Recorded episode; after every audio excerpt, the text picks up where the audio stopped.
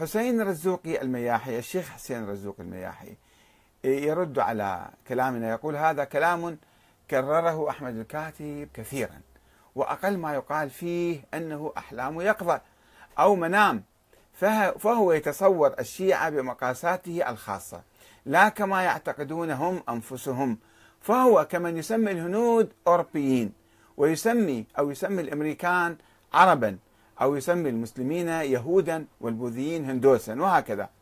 فالعقيدة الشيعية في أي أرض الواقع وعقول أصحابها شيء وفي مخيلته شيء آخر. ولذلك يطلق كلاما خياليا لا يصدقه إلا المجانين. وإلا كيف تكون العقيدة التي يؤمن بها مئات الملايين اليوم منقرضة؟ إذا بماذا يؤمن هؤلاء؟ كلام فارغ وهراء. وقد حاولنا الدخول معه في حوار علمي جدي ولم يجد سوى التهرب والحظر. في الحقيقة بعض ما يقوله الشيخ حسين صحيح لأنه هو عنده تصور وأنا عندي تصور. هو عنده تصور أن الشيعة الآن كلهم يسمون يسموهم آه، الشيعة إمامية اثنا عشرية وهم يؤمنون بعقيدة اسمها الإمامية الإمامة الإلهية لأهل البيت آه، آه، الاثنا عشرية. هذا صحيح.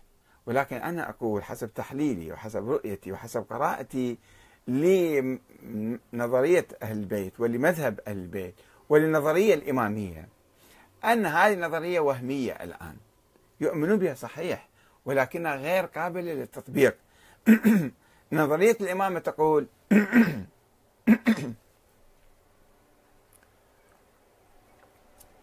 بأن الإمام الحاكم يعني الرئيس رئيس الجمهورية رئيس الوزراء شو يسموه؟ السلطان الخليفة القائد الزعيم الأمير أي شيء يسموه سموه هذا يجب أن يكون معصوم من الله ومعين من قبل الله.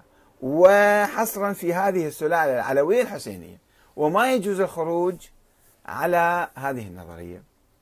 لذلك مثلا الشيخ الصدوق صار حوار في القرن الرابع الهجري صار حوار بينه وبين الزيدية أو بين الإسماعيلية أو بين بعض الناس. أنه طيب خلينا نأخذ الآن ولاية الفقيه نطبقها. نشوف لنا واحد عالم فقيه ونجعله زعيما علينا وقائدا ويسوي لنا دولة. قال لا هذه النظرية نظرية ولاية الفقيه تنقض المذهب الإمامي مئة بالمئة وخروج عن دين الإمامية. نص عبارته. لماذا؟ لأنه كان يعتقد فعلا إذا هاي النظرية صحيحة فيجب أن نتمسك بها ولا يجوز أن نتبع أي إمام آخر أي زعيم آخر. ما هو حال الشيعة اليوم؟ الشيعة اليوم ما شاء الله عندهم أئمة كثيرون ورؤساء كثيرون وزعماء كثيرون ولا يشترطون لا العصمة ولا النص ولا سلالة من أي واحد قائد يمكن يقودهم. فإذا حقيقة الشيعة اليوم جوهر الشيعة حسب تحليلنا وحسب قراءتنا لأهم أعمدة الفكر الشيعي أن هذه الأعمدة غير موجودة. والشيعة باقي اسمهم فقط شيعة إمامية اثنا عشرية آه، وما إلى ذلك. وهم بحقيقتهم مسلمين ديمقراطيين. مسلمين يؤمنون بولاية الفقيه مسلمين مرجعيين يؤمنون بالمراجع. حتى المرجعية هي الاجتهاد. الاجتهاد وانتخاب واحد عالم. هذا أيضا نوع من الانتخاب نوع من الشورى. وليس بالتعيين. فإذا آه، هو فعلا يشوف أكو تناقض بين الواقع موجود ملايين الناس يؤمنون بهاي النظرية. ولكن أنا أسأل سؤال هل يمكن تطبيق هذه النظرية؟ لا يمكن. إذا لماذا تخلى الشيعة عن هذه النظرية وذهبوا إلى الديمقراطية وإلى ولاية الفقيه وإلى المرجعية وإلى الشورى؟ لأنهم هم ما أصبحوا بعد يسموهم حقيقة شيعة إمامية اثنا عشرية. لا إمامية ولا اثنا عشرية.